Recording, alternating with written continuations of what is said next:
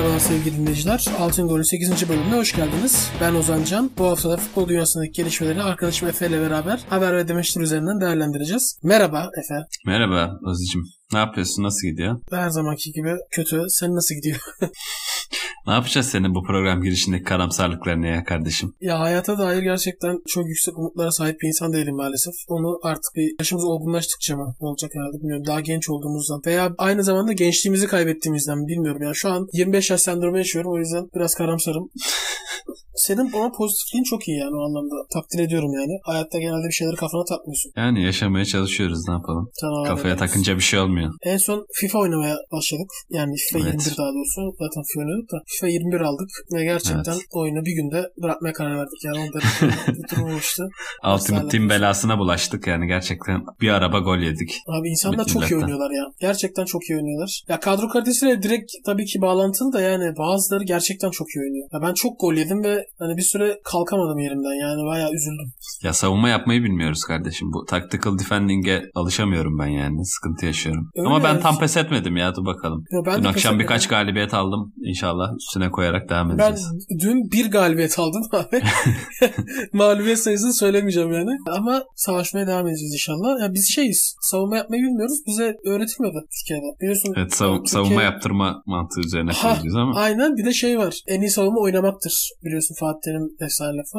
Türk Evet. e, futbol dünyası bunun üzerine kuruldu ve şu an büyük sıkıntılar içerisinde olduğumuzdan açık yani. Bir ara tutuyordu bu da şu an olmuyor. FIFA'da da onun tezahürü oldu. Onun dışında bu hafta maç yoktu maalesef. Yani en azından lig maçı yoktu. Önemli bir maç yoktu yani. Saçma sapan milli maçlar vardı. Milli maçlar hakkındaki düşüncelerimi söylemiştim önceden. Korkunçtu yani yine maçlar. Saçma ben- sapan hazırlık maçları. O kadar karşı değilim dediğim gibi ama güzel bir tweet gördüm İngilizce. What's worse than a heartbreak demişler. International break yazmış biri de. Aynen öyle. Aynı tweet'i ben de gördüm. Bu kadar doğru bir tespit yok. Gerçekten çok kötü abi. Güzel.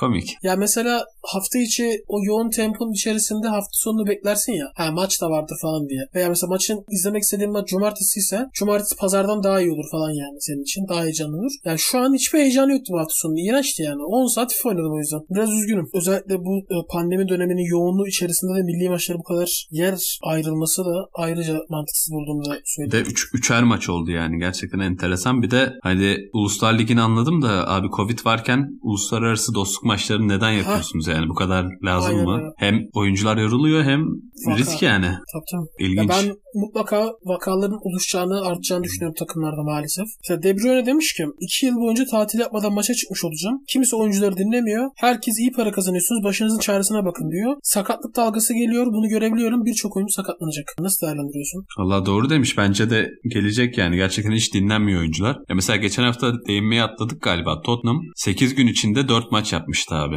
Ve Evet, son evet. maçta da United'a 6 attılar. Hafta içi Maccabi'ye 7 atmışlardı falan. İnanılmaz bir performanstı ama genel olarak gerçekten çok sık maç yapıyor oyuncular. Ligimizde de bu benzer şekilde ilerleyecek zaten malum. 42 hafta belası başımızda maalesef. Ve yazın da turnuva var yani. Yazın da dinlenemeyecekler. Hani bu böyle biraz kar topu gibi büyüyerek devam edecek bu sorun. Yazın da çok dinlenemedi özellikle Avrupa'da sonlara doğru ilerleyen takımlar. Ta- sakatlık dalgası bence de geliyor. Umarım çok fazla oyuncu zarar görmez ama De Bruyne haklı yani bu konuda. Ya burada geniş takımda, geniş bir kadroya sahip olan takımda oynayan oyuncular şanslılar. Yani en azından sakatlıktan daha az muzdarip olurlar diye tahmin ediyorum ama daha düşük bütçeli, daha dar kadrosu olan takımlar o futbolcuları sakatlık riskiyle baş başa. Ama hani paranızı kar- para kazanıyorsunuz. Başınızın çaresine bakın durumuna katılıyorum. Yani gerçekten para kazanıyorlar abi. Şimdi ona bir şey diyemeyeceğim yani.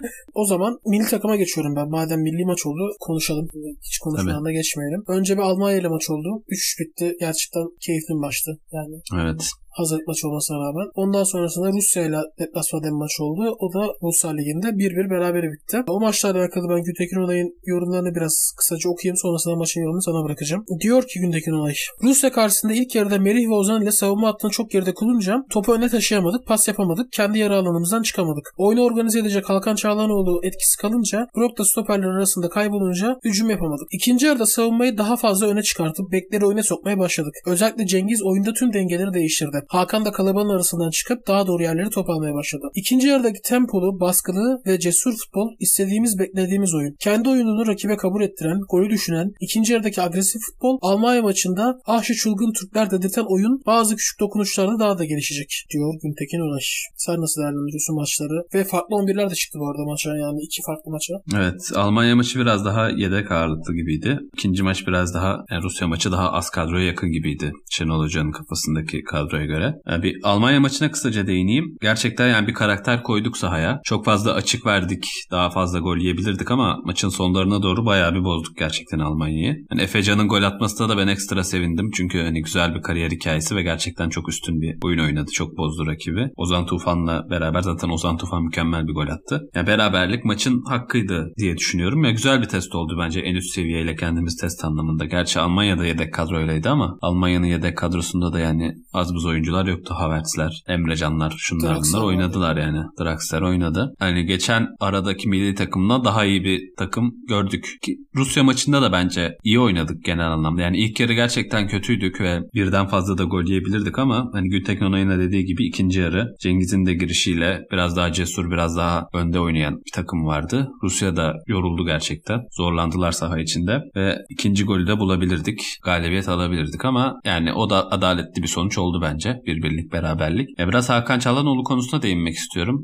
Çok tartışılan bir konu milli takımda performans verememesi. Özellikle pandemi dönüşünden itibaren yani Avrupa'daki sayılı formda oyunculardan bir tanesi ve beklentileri yine aşamadı aslında baktığımızda dünkü maçta ama yani ben milli takımda verilen rolün yanlış olduğunu düşünüyorum Hakan'a. Hani dün de çok fazla geriye geldiğini hatta yer yer Ozan ve Mahmut'un gerisinde konumlanıp oyunu korumaya çalıştığını falan gördük. Yani Hakan bu tip bir oyuncu değil. Ana oyun kurucu olabilecek bir oyuncu kesinlikle değil. Hani ileride yüzü kaleye dönük şekilde topla buluşması, son ataklarda, son paslarda veya kaleyi gördüğünde vurabilecek bir oyuncu. Yani onu yanlış kullanıyoruz bana kalırsa. Solda mı oynamak lazım sence? Mesela merkeze Yusuf veya Abdülkadir'i konumlandırıp orada ana yaratıcıyı o olarak belirleyip solda Hakan daha yan rolde. Özellikle şutlarından, duran top özelliklerinden yararlanmak için. Hem Abi daha ya rahat- öyle ya öyle ya da arkasında bir oyun kurucuyla İrfan Can gibi. O da Hani olabilir evet. ana top dağıtıcı rolünü üstlenmemesi gerekiyor. Milan'da 10 numara gibi oynuyor. Solda da oynadığı zamanlar oldu ama çıkışını 10 numara olarak yaptı. Arkasında Benacer o savunmadan topu alıp dağıtma görevini üstleniyor. Kanatlılardan da Salemers ile Rebic destekliyor. 10 numarada daha ideal bence. Çünkü daha fazla şut imkanını bulabiliyor ama arkasına bir oyun kurucu bence daha ideal. İrfan Can'ın önünde daha fazla kendini gösterebilecek şanslar yaratabileceğini düşünüyorum. Mesela Sosa Ama- ile birlikte oynatsan çok başarılı olur diyorsun o zaman. Mesela evet evet aynen öyle. hı. Zaten duran topta da yine kalitesini gösterdi bu arada. Tabii. Yani Merih, Merih'in de müthiş bir Yo, top dünya indirmesi var ama.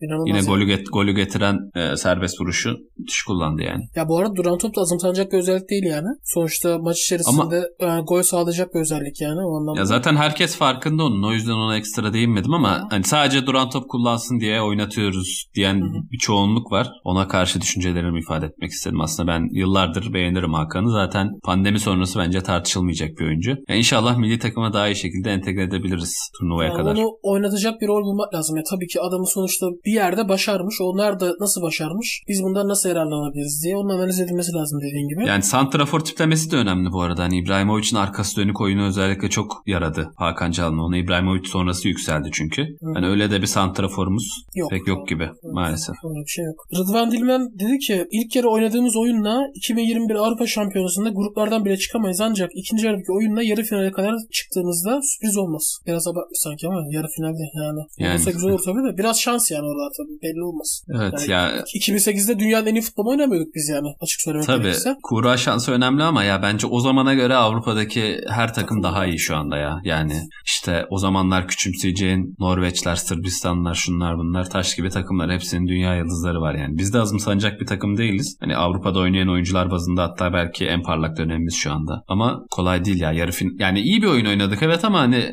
rakiple de alakalı. Hala milli takımlarda çok bir böyle asılma durumu yok herhangi bir takımda. İşte playoff'la Euro 2020 kovalayanlar hariç diyorum. Sonuçta bir Uluslar Ligi maçı. Hani Rusya'da yoruldu zaten. Hani bunu çok baz almamak lazım. Oyunumuzu geliştirmek lazım. İşte daha önce de konuştuğumuz gibi Cengiz'in, Merih'in tam sezon geçirmeleri çok kritik. Yani Cengiz mesela 45 dakika oynayabildiği için ikinci yarı oyuna giriyor. Tam maç oynayabilecek kondisyonu olsa maçın başında oynayıp daha iyi başlangıç yapabiliriz maça ama 45 dakika oynayabileceği için ikinci yarı giriyor ve maçı değiştirebiliyor. Leicester'da inşallah formayı alır. Gerçekten Ama çok gerçekten kritik. çok çok büyük oyuncu olabilir Cengiz. ya. Yani Ya özel kadar- bir yani oyuncu. belli ki Farkını hemen yani. hissettiriyor. Hemen hissettiriyor. Aynen. Aynen öyle yani. Çok çok top, top class takımlarda gayet oynayabilecek ve uzun süre fayda verebilecek bir adam yani yeteneğine bakacak olursak yani gerçekten o seviyeye inşallah çıkar bir ara. Modern kanat forvet abi yani çağımızın aradığı oyuncu tipi gerçekten. Evet o zaman bu haftanın altın golüne geçelim.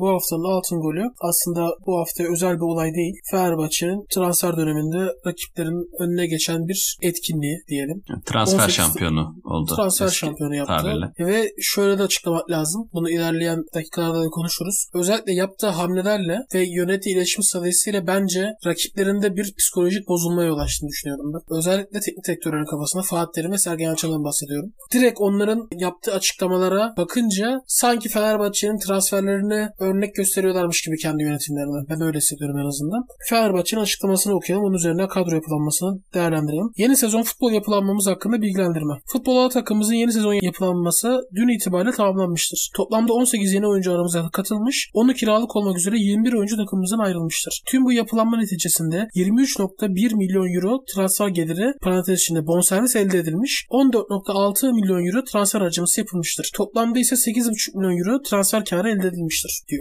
Ben böyle bir açıklama daha öncesini hatırlamıyorum. Bence güzel bir iletişim. En azından herkesin kafasında Evet. net olması için. Çok tartışma vardı hani limitler ne oldu ne bitti. Bir de çok transfer olunca Fenerbahçe çok para harcadı algısı vardı ama aslında diyorlar ki gidenlerin yerini doldurduk. Çoğu da zaten bonservissiz. Bir de Vedat Muriç'i sattık. Kardayız yani diyorlar özetle. Maaş bütçesine düşürdüğünü söylüyor bu arada Evet aynen aynen. diğer açıklamalarda. Şu an hakikaten Fenerbahçe'nin inanılmaz geniş bir kadrosu var. Bu kadar gerekli mi emin değilim. Yani şu hep konuşuluyor zaten. iki tane 11'i var şu an Fenerbahçe'nin. Yani bana kalırsa yedek 11 as 11'ine yenilmez yani Fenerbahçe'nin. Şu an öyle bir kadrosu var. Ben sana şey sorayım mesela son gün yapılan 3 transfer var. En azından açıklanan. Perotti, Pelkas, Adevi. Şimdi Perotti konusu biraz tartışıldı. Yok sağlık durumu şüpheliymiş. Emre Belezoğlu işte risk alıp hani ikna etmiş Ali Bey'i gibi. Sen Perotti transferini nasıl değerlendiriyorsun? En azından son 3 transfer değerlendiriyorum. Ya Perotti en başından beri konuşuluyor aslında transfer döneminin. Hani son Evet, güne kaldı. O çok şaşırtmadı. Biraz daha Pelkas ve Kemal Adem'i şaşırttı beni. Onlara da geliriz. Ya Perotti'ye dönecek olursak yani gerçekten 2 senedir 40 maçı kaçırdığı söyleniyor sakatlıkları nedeniyle. Yoksa kalitesi tartışılmayacak bir oyuncu. Yani biraz kumar gibi hani sakatlığını gerçekten atlatıp sağlıklı kalabilirse bu ligde ciddi fark yaratacağı konusunda bence çok şüphe yok. Biraz Abubakar transferine benzetiyorum bu açıdan ama yani Perotti sakatlanırsa da Fenerbahçe'nin oraya koyabileceği sayısız alternatif var. Hani Ferdi'sinden Tiam'ına, Valencia'sına hatta İşte Pelkas da orada oynayabilir. Ya bence şöyle Perotti şu an Fenerbahçe'nin bir tane yaratıcı kanat oyuncusu istiyordu Fenerbahçe. Şu an hani bank oynatacağı. Şu an onu Perotti olarak yaptı diye anlıyorum ben. Ya ciddi bir güven var Perotti'ye Yani. ama ya olmazsa da Ferdi var bence. Hadi o da olmadı. Pelkas da oralarda oynayabilir. Yani PAOK'ta 4-2-3-1'in sol önünde Yani oynuyormuş. sanki- Çok kanat gibi olmasa da. Hoca çok sanki Ferdi'yi bank 11 gibi düşünmüyor gibi geldi bana. Ya şu kötü performansla Tiam'ı 3 maçtan 11 çıkartıyor mesela yani. Ya bir kanadı forvet, bir kanadı oy- oyun kurucu gibi düşünüyor bence. Erol Bulut yaptığı transferlerden de bunu anlıyoruz. İşte oyun kurucu tarafta Perotti ve Ferdi. Onlara eklenebilecek bir Pelkas ve yeri geldiğinde belki Mert Hakan kullanılabilir. Hani forvet olacak kanatta da Valencia var, Tiam var. Hani Geri Rodriguez tamamen gözden çıkarıldı mı bilmiyorum ama eğer kadroda kalırsa onu sayabiliriz. Sinan Gümüş var bir de. Bence Ben- bunlar kendi içerisinde bir rekabetteler ama Perotti ve Valencia ilk tercihler olacaktır bence sağlıklı oldukları durumda. Pelkas'a ne diyorsun peki? Şimdi mesela hoca 4-2-3-1'in Santifor'a yakın kısmında Ozan'ı oynatıyor 2 maçlar. Evet. Hatta 3 maçtır diyelim. Hatay maçında da oynattı. Onun dışında Ömer Faruk var Fenerbahçe'de. Mert Hakan var. Şimdi bu oyuncular ne olacak? Nasıl bir dizilim olacak sence orta sahada? Pelkas ben- ben... bana sürpriz oldu ya. Ben on numara çok beklemiyordum. Çok konuşuluyordu ama ben alınmaz diye tahmin ediyordum. Ben alabilirse Bakasetas'ı alır diye düşünüyordum ki çok da istediği yansıdı basına. Ya çünkü çok hani beğendiği ve iyi çalıştığı bir oyuncu ve onun şutör özelliklerinden faydalanmak istiyordu. Pelkas biraz daha farklı bir oyuncu ve bir fırsat transferi olarak görüldü bence. Orada da ciddi bir forma yarışı olacak. Pelkas, Ozan Tufan, Mert Hakan arasında. Ya ben Ömer Faruk'un çok rotasyona girebileceğini düşünmüyorum. Hatta Ömer Faruk'un Fenerbahçe'deki kariyerinin çok uzun süreceğini ben zannetmiyorum. Yani önümüzdeki yaz 18 yaşını tamamladığında Avrupa'ya bedelsiz şekilde gideceğini düşünüyorum. Pelkas uzun süredir beğendiği bir oyuncuymuş Erol Bulut'un. Malatya'da olduğum zamandan beri istiyorum demiş hatta geçen gün yaptığı medya mensuplarıyla yediği yemekte. Ee, yani çok bildiğim bir oyuncu değil ama birçok hani bileninden dinledim. Daha böyle hani golcü bir oyuncu değil ama takım arkadaşlarını oynatan daha Hı hı. eski klasik bir on numara olduğu Sosa gibi söyleniyor. yani o tarz bir şeyler. o. Yani o kadar geriden oyun kurmaya çok alışık değil sanırım ama hani zor durumda 8 numarada da faydalanabileceği söyleniyor. Ya biraz daha göreceğiz saha içinde ama ya Pauk taraftarlar çok üzgün. Hani gittiği için orada bir iz bırakmış bir oyuncu ve kaptanı Pauk'un. O anlamda değerli hani lider karakterli önemli bir oyuncu olduğu söyleniyor. Erol Bulut'un da Yunanistan'dan başarısız transfer yaptığını görmedim şu ana kadar. İşte Alanya'da Siopis, Bakasetas, Savellas hepsi iyilerde. Pelkas'tan da bir katkı alabilir Fenerbahçe. Ama ya Ozan Tufan şu anki durumu itibariyle formayı kolay kolay vermez gibi gözüküyor bana. Yani sürekli 10 numara mevkisine devam etmeyebilir belki. Ama Sosa, Gustavo, Ozan üçlüsü şu anda ön planda bence. Pelkas takıma girmesi için ekstra şeyler yapmalı ya da Ozan Tufan'ın formsuzluğunu beklemeli bence. Mert Hakan sanki biraz geride kalacak rotasyonda gibi hissediyorum. Kendisi de çok üzülmüştür yani Pelkas gelince bence. Muhtemelen öyle olmuştur. Ya ben de Mert Hakan için üzüldüm bu arada. Yani sonuçta milli takıma kadar yükselmiş. Sivas Spor'da milli takıma yükselmiş bir oyuncu yani. Öyle kolay bir şey değil. Yani biraz üzüldüm. Ya inşallah. Fenerbahçe'ye de muhtemelen oynarım diye gitti ve Evet, tam tersi bir durum oldu. Şu an geldi. Galatasaray'a gitse orada daha rahat oynardı muhtemelen. Aynen öyle. Yani Galatasaray'ı reddetti. Fenerbahçe'ye gitti yani. Bayağı da papaz oldu orada. WhatsApp mesajlarına kadar yayınlandı yani. Öyle kötü bir dönem geçirdi. Ve şu an forma şansı zor gibi gözüküyor. Kısmet yani ne diyeyim. İnşallah çalışırken daha da geliştirir. Ya bir de ben Menemen Spor'daki ilk onun yükselişindeki hocasından dinlemiştim Mert Hakan'ı. Hı, yani bir yayınını evet. izledim birebir de değil de tabii. Aynen ben de izledim. Ee, Yani yedek kalmayı hiç sindiremeyen bir oyuncu. Sürekli sahada olmak isteyen bir oyuncu. Hani bunun zorluğunu yaşayabilir demişti. Fenerbahçe'de tabii farklı olur işler ama yine de sürekli sahada olmak isteyen bir oyuncu demişti. Ya bu kadroda birçok oyuncu mutsuz olacak zaten. Yani Mert Hakan sanki mutsuz olacak oyuncuların başında gibi geliyor bana. Novak'la birlikte özellikle onun da şansı çok zor çünkü. Haftanın altın golünü kapatalım burada.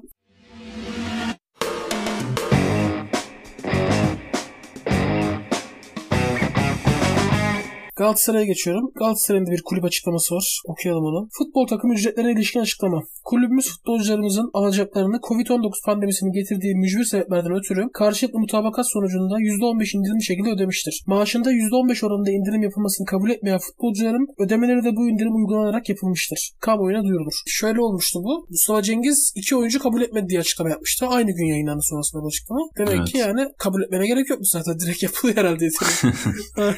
Bu isimlerin de Anlamadım. Belhanda ve Feguli olduğu söylendi bayağı ciddi Evet. kaynaklar tarafından. Ee, yani hani biz transfer yapamadık. Bir günah keçisi arıyorduk. İşte alın size iki tane futbolcu der gibi taraftara karşı yani amiyane tabirle bence. Gerçekten enteresan yani hani Ya ne gerek var bu açıklamayı yapmaya. performansını hani beğenmeyebilir taraftar. O ayrı bir şey ama ya ben Galatasaray taraftarının da gidip buna kızacağını düşünmüyorum ya bunlar indirim yapmadı diye. Abi adam niye indirim yapsın ya? Şunu bir açıklama bana bir bunun açıklamasını biri yapsın. Belhanda ile Feguli atıyorum adam maaşının %15'e 500 bin euro olsun tamam mı? Neden Belhanda ile Feguli 500 bin euroyu kulübe veriyor? Abi bunun Ya neden normali yani? yapana eyvallah deyip yapmayana canı sağ olsun demektir Aynen yani öyle bence. ya. Yani yaparsa ekstra bir şeydir. Evet yani şu an zorla yapmışlar zaten o konuda da yani başka süreçlere de girilebilir. Oyuncular da itiraz ederse FIFA'da vesaire. Hani o tarafını geçtim, hukuki tarafını geçtim. Ya taraftar bunu nasıl tepki verir? Hani ölçmek zor ama amaç bu bence yani. Günah keçisi bulmak çünkü hani hoca da seni işaret ediyor bir yerde. Hani taraftarlar da sana karşı tepkili başkan olarak. Hani ve konuştukça bence daha kötüye gidiyor Mustafa Cengiz'in durumu. Yani işte bu Falcao ile ilgili açıklaması falan Skandal komikti yani abi.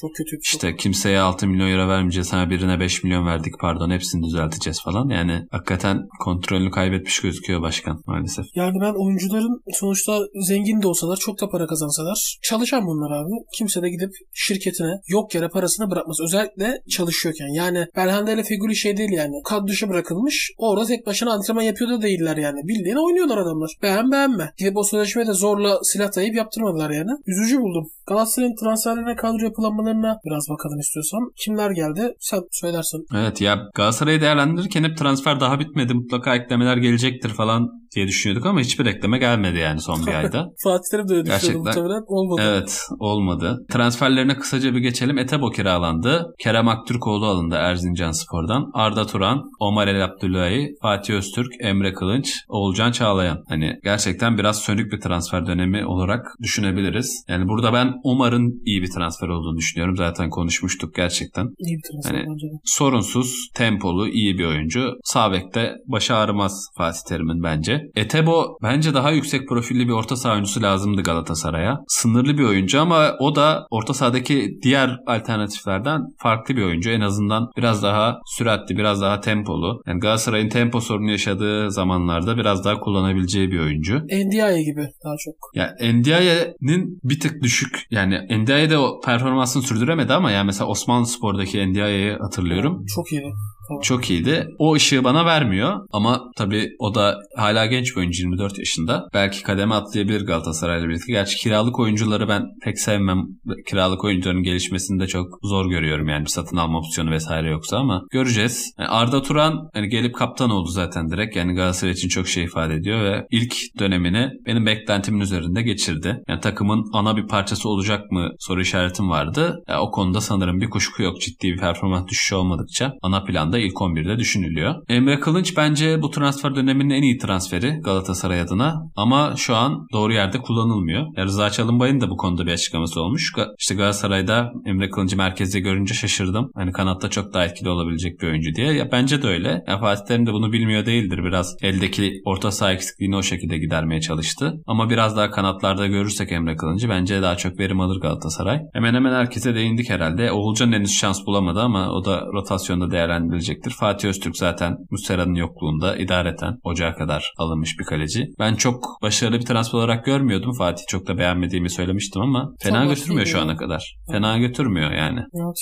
Benim de beklentim üzerinde yani o açıdan. Galatasaray yıllardır neredeyse yani 3 sezondur falan sürekli merkeze abi kiralık oyuncu alıyor. Ve bu oyuncular evet. gidiyor. Her sene tekrar sıfırdan oraya ideal bir orta saha yapılanması kurmaya çalışıyor. Yani orta saha gibi takımın yani en önemli yeri neredeyse yani. Burada bir en azından sezon sezon ilerledikçe bir istikrar yakalanması gerekirken bence 2-3 sezon benzer orta sahalarla devam ettikçe bir başarı yakalayabilir takım. Uzun vadeli bir başarı yakalayabilir. Özellikle oraya Galatasaray'ın kiralık oyuncu alması nasıl değerlendiriyorsun? Abi kesinlikle öyle. Bu lig zaten hani merkez ligi. Orta sahan çok önemli. Fatih Terim'in de en önemli oyuncusu hani her zaman söyler. Savunmanın önündeki ana top dağıtıcı o regista dediği oyuncusu. Çok kritiktir yani Fatih Terim'in sistemlerinde. Abi kiralık gelen oyuncunun adapte olması normal bir oyuncudan daha zor oluyor. Yani Seri ile Lemina bence üst düzey oyuncular. Ligin de üstünde oyuncular. Mart'ta falan adapte oldular abi. Hadi Lemina biraz daha erken performans veriyordu ama evet, evet. yani Mart'ta zaten adapte oldular. E ne oldu? Gittiler yani. İlk yarı yoktu yani ikisi de doğru.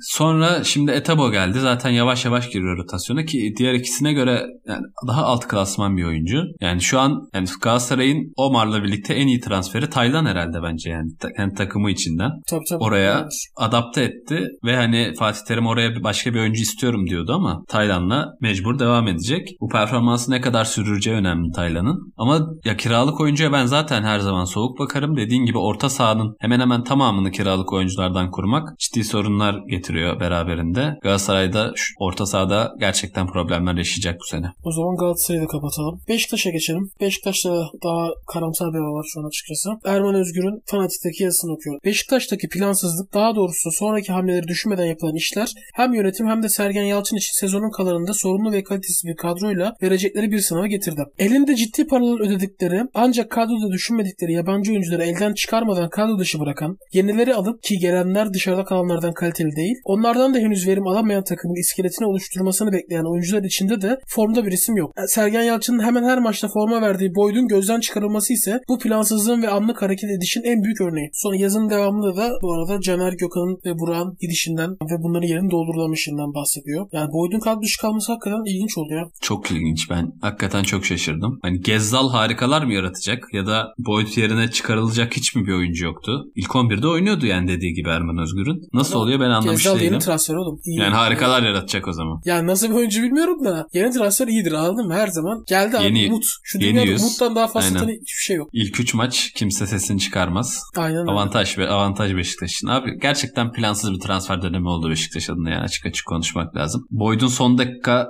kadro dışı bırakılması da ayıp abi yani. Evet. Hani böyle yabana atılacak bir oyuncu değil. Zaten hani Amerika milli takımının oyuncusu bu arada. Te- Amerika milli takım tek direktörü de hani Boyd son anda öğrendi bunu. Bu gerçekten çok ayıp demiş. Yani orada Beşiktaş'ın biraz herhalde güvendiği şey Amerika'da transfer döneminin açık olması ve bir Amerikan kulübünün Boyd'u alabileceği ya da kiralayabileceğine güvenmesi. Ama o yönde de net bir gelişme yok şu anda. Yani ayıp olduğu gerçeğini değiştirmiyor bu. Ee, yani transferlere dönecek olursak hızlıca yine sayayım. Mensah ve Rozier kiralandı. Atakan alındı. Montero yine kiralandı. Gökhan Töre, Joseph, Ensakala, Abu Bakar, Wellington ve yine kiralık olarak Gezzal. Yani burada en belki beklentiyle alınan oyuncu Mensah bence. 500 bin euroluk bir kiralık ücret veriliyor ve 4,5 milyon euro satın alma opsiyonu var. Şimdi soruyorum sana. Seneye Beşiktaş'ın 4,5 milyon euro verip Mensah'ın bonservisini alma ihtimali yüzde kaç sence? Öyle bir şey yok. Öyle bir ihtimal yok. Şu an herhangi bir kulübün ben 4,5 milyon euroyu bir takıma verebilmesini çok zor görüyorum. E ancak eline çok yüklü bir miktar para geçecek mi Beşiktaş'ın seneye? Mesela 20 milyon euroluk bir satış yaparsa alır. Hatta yine almaz.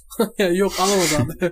Geçti. Mümkün değil ya. Belki sistemin şu an hani ana oyuncusu. Ben ne kadar çok güvenmesem de Mensah'a umut bağlamış bir durumda Beşiktaş şu anda. Takım Evet, merkezi abi şu an. Ya Abu Bakar da çok önemli bir transfer mesela. Tamam bonservisini aldın ama sakatlık sorunu var yani. Sakatlanmazsa şu an Sergen Yalçın hakikaten çok rahatlar herhalde. Bekliyordur yani sakatlanmasını diye düşünüyorum. Sağ bek sorunu zaten UEFA'dan Şampiyonlar Ligi'nden elendi. Kötü bir başlangıç yaptı. Sağ bek her zaman göze battı Beşiktaş'ta. Necip elinden geleni yapsa da. Rozi'yi alındı. O da kiralık. Ya hep bir kiralık hep bir geçici çözümler. İşte Montero kiralık. Gezzal kiralık. Abi menajer önermiş bunlar canım belli. Ya en azından Boyd senin oyuncun da abi. Yani biraz oynasa belki satarsın adamı. Gezzal yani bilmiyorum iki senedir pek bir numarasını göremedim açıkçası Gezzal'ın da. Ya kadroya baktığımda Beşiktaş'ta gerçekten iç açıcı bir tablo görmüyorum. Gökhan Tören'in biraz iyi katkı verebileceğini düşünüyorum ben. Yani benim çok dalgalı bir oyuncudur ama beğendiğim en azından özellikleri olan bir oyuncu. Şu anda da Beşiktaş'ın kanat rotasyonuna baktığımda bir şeyler yapabileceğini düşünüyorum kendi çapında. Josef iyi bir transfer. Ama orta sahada Josef, Atiba, Mensah, Dorukan Kopuk, var. Dorukan da var. İşte Oğuzhan var rotasyonda. Ama yani sanki Joseph Atiba Mensah ana planda olacakmış gibi ve böyle birbiriyle çok bağlantılı olan oyuncular değil. Arada bir kopukluk var bence Mensah'la. Yani Atiba o eski hem orta sahayı tutan hem pas dağıtan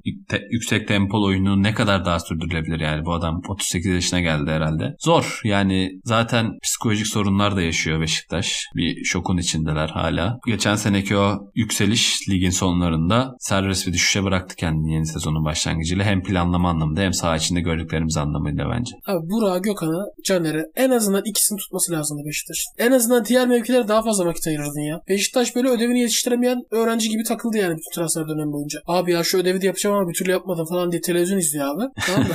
son böyle son iki saat akşam 10 olmuş pazar akşam 10. Pazartesine vermen lazım ödevi. Ama aynı zamanda yatman da lazım. Yoruldun anladın mı?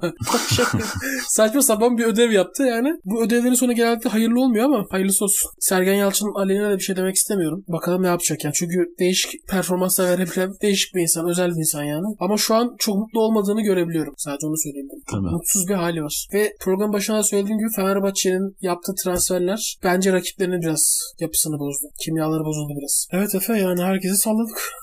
Yine sürekli. Trabzon'a ve şey Başakşehir hakkında neler söylemek istersin? Evet. Başakşehir da geçen senenin şampiyonu skandal başlangıç yaptı valla. Herhangi bir ligde böyle bir şey olmamıştır yani. Gerçekten ediyorum. korkunç yani Başakşehir'in başlangıcı ve Şampiyonlar Ligi zaten grup inanılmaz zor. Endişe verici. Evet. Yani umarım bir an önce toparlanır. Ama transferin son günü şaşırttı biraz Başakşehir'de. Yani Giuliano önemli bir transfer bence. İyi transfer. Bu ligde daha önce başarmış. Ligin dinamiklerine uymuş. Çok skorer bir oyuncu. Ve takım Tabii. oyuncusu abi Giuliano. Şey değil yani böyle bireysel bir oyuncu değil. Evet. Ee, o anlamda Başakşehir'in de yapısına ben uygun olduğunu düşünüyorum karakter olarak. E tabii Suudi Arabistan'ın ne durumda olduğunu bilmiyoruz. Bu durum Josef de Souza için de geçerli Beşiktaş'ta ama çok kendine kötü bakacak oyuncular değil bence ikisi de. En azından bir iki ay içerisinde kendilerini bulurlar. Şu an kötü durumda bile olsalar. Giuliano'nun ben ciddi katkı yapacağını düşünüyorum. Orada da bir ihtiyacı vardı Başakşehir'in. İşte Berkay Özcan'la Alexic'le geçiştirmeye çalışıyorlardı ama Giuliano'nun gelişi İrfan'ı da rahatlatacaktır. Biraz daha oyunu kurma anlamındaki özelliklerini daha rahat yansıtacaktır. İrfan çok skor stresi olmayacak bence bundan sonra Giuliano geldiği için. Ravil'i aldılar. Altınordu'dan 17 yaşındaki genç stoper ve 2,5 milyon euroluk bir bonservis bedeli verdiler. Yani Altınordu'nun en gözde iki oyuncusundan bir tanesiydi hatta belki birincisiydi diyebiliriz. 16 yaşında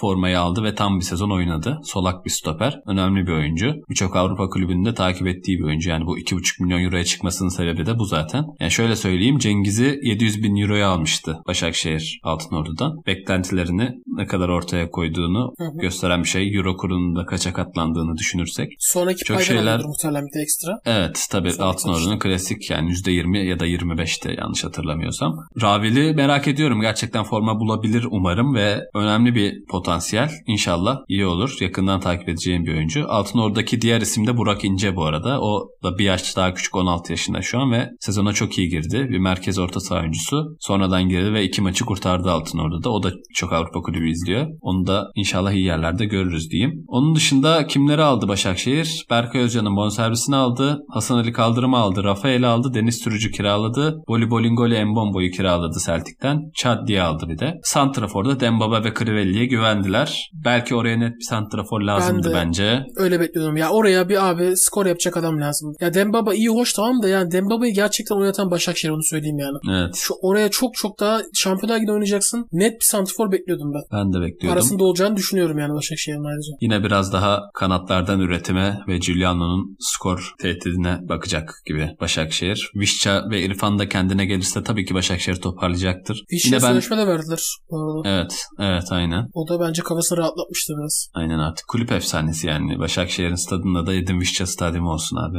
Hak ediyor Seneye yani Fenerbahçe'ye gidecek banko falan diyorlar da o yüzden. Evet, Emre dolayısıyla. Doğru. Ama artık öyle bir şey rafa kalktı herhalde. Aynen. Yine bence hala zirveyi zor- zorlayabilecek bir takım potansiyel itibariyle. Hani hiçbir takım da alıp gitmiyor şu an. Hı hı. Bu kötü başlangıcı tersine çevirebilirler. Zaman uzun ama iyi sinyaller vermiyorlar. Şampiyonlar Ligi de epey bir yıpratacaktır onları hem mental hem fiziksel anlamda. Sanki ikinci seneyi getiremeyen takımlardan biri olacak gibi hissediyorum şu anda. Ama dediğim gibi yanıltabilecek de bir takım. Net konuşmak doğru olmaz Başakşehir hakkında biraz daha görmek lazım. Trabzon ne diyorsun? Trabzon'da çok oyuncu gitti geldi. Sirkülasyonun olduğu takımlardan biriydi. Ve Newton o çok ilginç yani. Aslında çok ben özellikle aynı kadroyu korusa gelecek senenin bence en büyük şampiyonluk adayı Başakşehir'den ziyade bence Trabzonspor'du. Evet geçen sene ligin en iyi kadrosuydu abi bence. Aynen öyle. Gerçekten çok Bence özellikle öyle. ön taraf oyuncuları vardı. Yine ya Sörloth dışındakiler duruyor ama bir merkezi sarsıldı yani Trabzonspor'un Sosa, Novak, Sörloth'un gidişiyle. Onlar da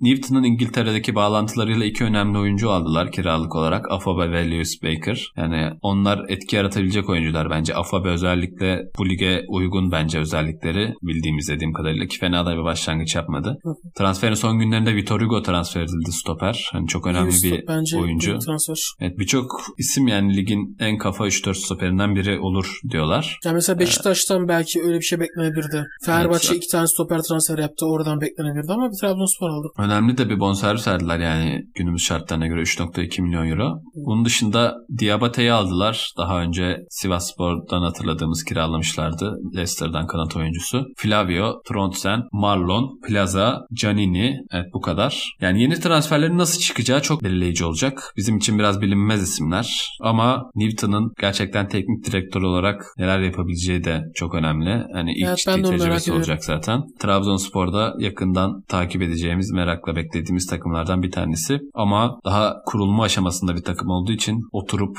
en zirveye oynaması çok kolay değil. Ama Vakayeme ve Ekuban gibi ligin çok üstünde ve bu ligi artık çok iyi tanımış, çok özellikli oyuncuları da var. O yüzden Trabzonspor için her zaman bir sürpriz kapısını açık bırakmak lazım bence. Ya ben Trabzonspor'un zaten yönetimi yaptığı transferler genelde başarılı oluyor. Yani düşük maliyetli ama etkili hatta satılabilecek oyuncular oluyor. O anlamda yani yeni transferlerin de özelliklerini bilmediğimiz oyuncuların da etki yaratabileceğini düşünüyorum o yüzden. Bu arada Abdülkadir Ömür için de önemli bir sene. Evet çok kritik gerçekten. Almanya maçında çok güzel bir asist yaptı yani. Hı hı. Çoğu oyuncu onu denemez öyle diyeyim. Çok Hı hı. müthiş bir asist değil ama yani akıl dolu bir asist. Zaten öyle olmadı abi. Basit ama etkili Evet. yani. Artık hazır girdi sezona. Tam bir sezon geçirecek. Yani kariyer sezonu olur inşallah. Türk futbolu adına da çok önemli bir oyuncu. Yazında Trabzonspor'u da yukarı taşıma anlamında bir etken olabilir bu sene. Evet yazında turnuva var yani onu da iyi geçirip ben artık zıplaması gerektiğini düşünüyorum. Yani burada artık kalmasın. Ya lig kalitesi abi bunu kabul etmek lazım. Özellikle iyi oyuncularımızın Ve özellikleri bu lige uygun değil abi Evet. Abdülkadir'in. Aynen öyle. Burası daha fizik ligi, daha temaslı lig. Abdülkadir daha ince, yani daha futbolun hani sanatçısı diye tabir edebileceğimiz türden oyuncu. Bu lige Evet, çok uygun özel bir değil yetenek.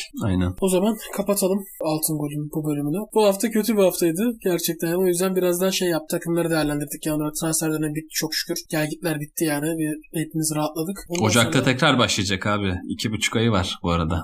Ya Ocak'ta yine bu kadar hareket olmaz ya. Çünkü artık kulüplerin parası yok abi evet. yapamıyorlar. O yüzden şey yapalım. Haftadan itibaren lig sıfırdan başlayacak bence yani o anlamda. Evet. Zaten daha 38 hafta var abi.